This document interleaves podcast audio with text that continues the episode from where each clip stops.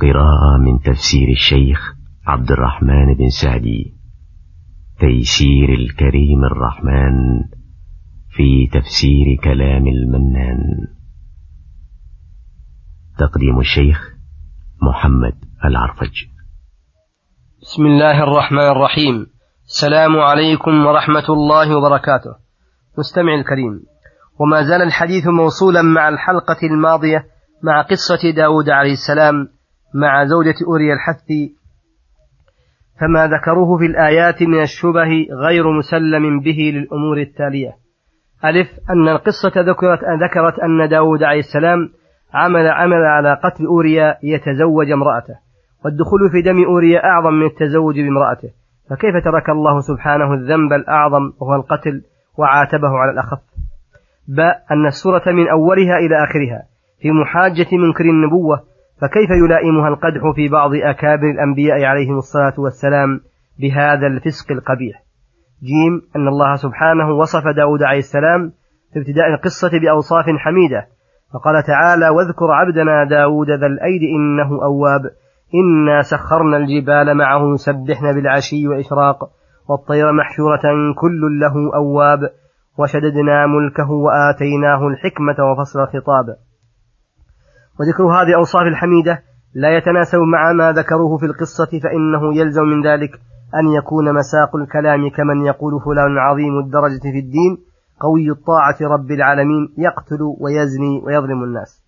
ومن هذه الأوصاف قوله تعالى ذا الأيدي والأيدي القوة ولا شك أن المراد منه القوة في الدين لأن القوة في غير الدين كانت موجودة في الملوك الكفار وما استحقوا بها مدحا. ومن أوصاف الحميدة قوله تعالى وآتيناه الحكمة. والحكمة اسم جامع لكل ما ينبغي علما وعملا. فكيف يتناسب هذا مع مزاحمته لأصحابه وأحبابه في زوجاتهم؟ أما تعرض داود عليه السلام للفتنة وهي ابتلاء والاختبار فإنه لا يلزم من ذلك وقوعه في المعصية. وهذا يشبه قصة جريج العابد التي رواها البخاري ومسلم والإمام أحمد. عن أبي هريرة رضي الله عنه قال قال رسول الله صلى الله عليه وسلم لم يتكلم في المهد إلا ثلاثة. عيسى بن مريم عليهما السلام وصاحب جريج وكان جريج رجلا عابدا فاتخذ صومعة فكان فيها فأتته أمه وهو يصلي فقالت يا جريج فقال اللهم أمي وصلاتي فأقبل على صلاته فقالت بعد, بعد ثالث يوم في ثالث مرة اللهم لا تمته حتى ينظر في وجوه المومسات. فتذاكر بنو إسرائيل جريجا وعبادته وكانت امرأة بغي يتمثل, يتمثل بها. فقالت إن شئتم لأفتننه فتعرضت له فلم يلتفت إليها فأتت راعيا كان يأوي إلى صومعته فأمكنته من نفسها فوقع عليها فحملت فلما ولدت قالت هو من جريج فأتوا به فأنزلوه من صومعته وهدموها وجعلوا يضربونه فقال ما شأنكم؟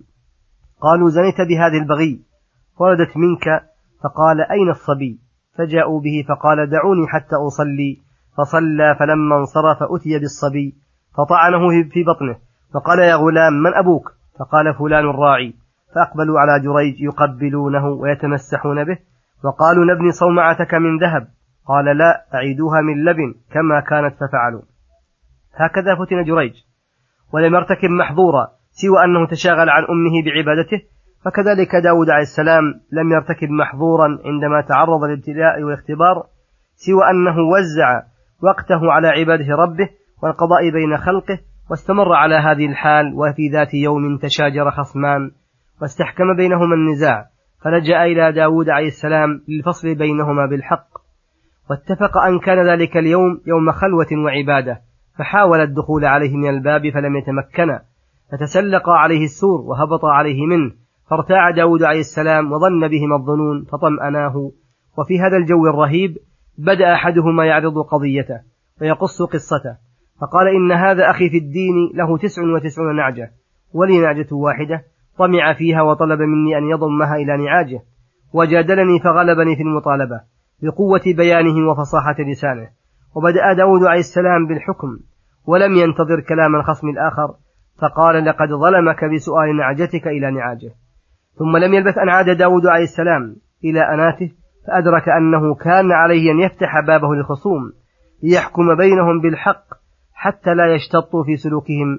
فقد أغلق داود عليه السلام بابه ولزم الخلوة والعبادة فاضطر الخصوم إلى أن يتسلقوا عليه المحراب ففزع منهم وفي ساعة الفزع سمع لأحدهم ثم حكم له قبل أن يسمع كلام الآخر. إنها فتنة وابتلاء. لقد كانت الخلوة عن الناس في عبادة الله تعالى محببة إلى نفس داود عليه السلام. يهدأ فيها ويستريح فكان له فيها هوى ورغبة فنهاه الله تعالى عن ذلك بقوله ولا تتبع الهوى فيضلك عن سبيل الله. ذلك أن وقت الحكام والملوك ليس لهم بل هو لرعاياهم ليحكموا بينهم بالعدل. ولهذا قال الله تعالى يا داود إنا جعلناك خليفة في الأرض. الآية من هنا أدرك داود عليه السلام ما كان ينبغي له أن يفعله فاستغفر ربه وخر راكعا وأناب.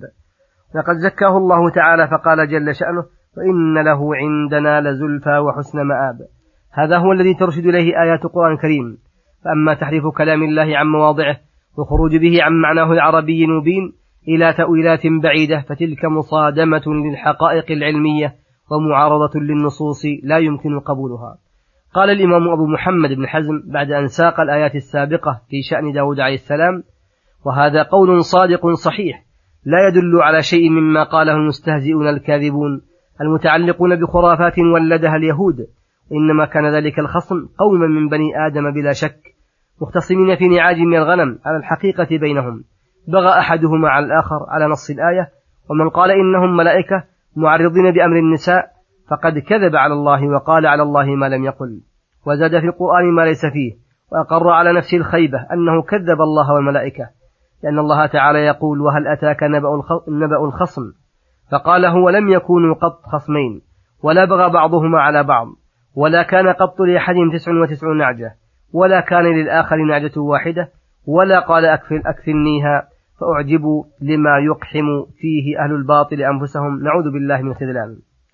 والغريب أن بعض المفسرين نقل كثيرا من أخبار إسرائيلية دون تمحيص وربما نشأ الخطأ من قبل بعض الصحابة والتابعين لهذه الأخبار بغية الاطلاع على أخبار أهل الكتاب لأن الإنسان بطبعه تواق إلى معرفة أخبار الماضين. واستقصاء قصصهم لا سيما بعد أن أذن النبي صلى الله عليه وسلم بالتحديث عن بني إسرائيل حيث قال صلى الله عليه وسلم حدثوا عن بني إسرائيل ولا حرج. ويعرض العلامة بن خلدون في مقدمته تحليلا لانتشار هذه الأخبار الإسرائيلية فيقول إن العرب لم يكونوا أهل كتاب ولا علم وإنما غلبت عليهم البداوة والأمية وإذا تشوقوا إلى معرفة شيء مما تشوق مما تتشوق إليه النفوس البشرية في أسباب المكونات وبدء الخليقة وأسرار الوجود فإنما يسألون عنه أهل الكتاب قبلهم ويستفيدون منهم وهم أهل التوراة من اليهود ومن تبع دينهم من النصارى وأهل التوراة الذين هم بين العرب يومئذ بادية مثلهم ولا يعرفون من ذلك إلا ما عرفه العامة من أهل الكتاب. ومعظمهم من حمير الذين أخذوا بدين اليهودية فلما أسلموا بقوا على ما كان عندهم مما لا تعلق له بالأحكام الشرعية التي يحتاطون لها. فامتلأت التفاسير من المنقولات عنهم ولا تحقيق عندهم بمعرفة ما ينقلون لكنها تلقيت بالقبول لما كانوا لما كانوا عليه من المقامات في الدين والملة. وبالجملة فإنه يجب أن تصان كرامة الأنبياء عن اللغو الذي لا خير فيه وأن تبرأ ساحاتهم مما يتناقله الإخباريون على مر العصور ويكتفي بالقدر الذي دلت عليه نصوص القرآن الكريم والسنة الصحيحة المطهرة. وفيما يلي نوجز النتائج التالية. أولا أن الأخبار الإسرائيلية قد تسربت إلى كتب التفسير والسير ونتج عنها مخاطر جسيمة أحدثت بلبلة في الفكر الإسلامي الصحيح واتخذ أعداء الإسلام منها أسلحة للطعن في دين الإسلام من واقع مصادره وعن طريق أبنائه. وطريقة الخلاص من ذلك أن تنشط الحركة الإسلامية الواعية وتقوم نخبة ممتازة من كبار علماء المسلمين لتتبع تلك الآثار في مظانها ولا سيما ما يتعلق بالعقائد ثم يجري التنبيه عليها في أماكنها بأنها أخبار إسرائيلية لا يعتمد عليها في شيء. وكل مصدر من مصادر التفسير أو السير يجري طبعه مستقبلا يجب أن يكون مجتمعا على تلك التنبيهات التي وضعها العلماء المتخصصون وتلك مسؤولية كبرى تقع على عاتق علماء المسلمين ثانيا أن الأئمة الأعلام كابن جرير الطبري وابن سعد وغيرهم وإن كانوا أئمة كبارا في العلم والمعرفة إلا أنهم تساهلوا في نقل بعض الأخبار الإسرائيلية ودونوها في كتبهم ولم يحكموا على أسانيد تلك الروايات بالصحة أو الفساد. بل تركوا لغيرهم فرصة لتمحيص هذه الأخبار ونقدها بمقتضى قواعد الجرح والتعديل وهذا لا يقدح في مكانتهم العلمية لأنهم نقلوا هذه الأخبار حسب ما شاع عند بعض الإخباريين وأهل القصص في زمانهم. وفرق بين نقل الخبر كما سمعه وبين اعتقاد صحته وخطأهم الوحيد هو إدخال هذه الأخبار في كتبهم دون تمحيص خلافا لما عرف عنهم من الدقة والتحقيق في مجالات أخرى. ثالثا أن قصة داود عليه السلام مع زوجة أوري الحث قصة خرافية ولدها اليهود وروجها القصاصون المغرضون حتى أصبحت منتشرة في المصادر التاريخية ولم تسلم منها كتب التراث الإسلامي. الأمر الذي جعل كثيرا من أبناء الإسلام يقرؤون هذه القصة على أنها حقيقة مسلمة وفي هذا خطر كبير وتشويه للحقائق التاريخية التي تدل على عصمة الأنبياء وطهارة نفوسهم وعلو مقاماتهم. قد اتضح من خلال هذا البحث أن الآيات الكريمة والسنة الصحيحة لا تدل على شيء من هذه المفتريات الموجهة إلى داود عليه السلام. وآخر دعوانا أن الحمد لله رب العالمين وهو حسبنا ونعم الوكيل وصلى الله وسلم على نبينا محمد وعلى آله وصحبه أجمعين. إلى الحلقة القادمة غدا إن شاء الله. والسلام عليكم ورحمة الله وبركاته.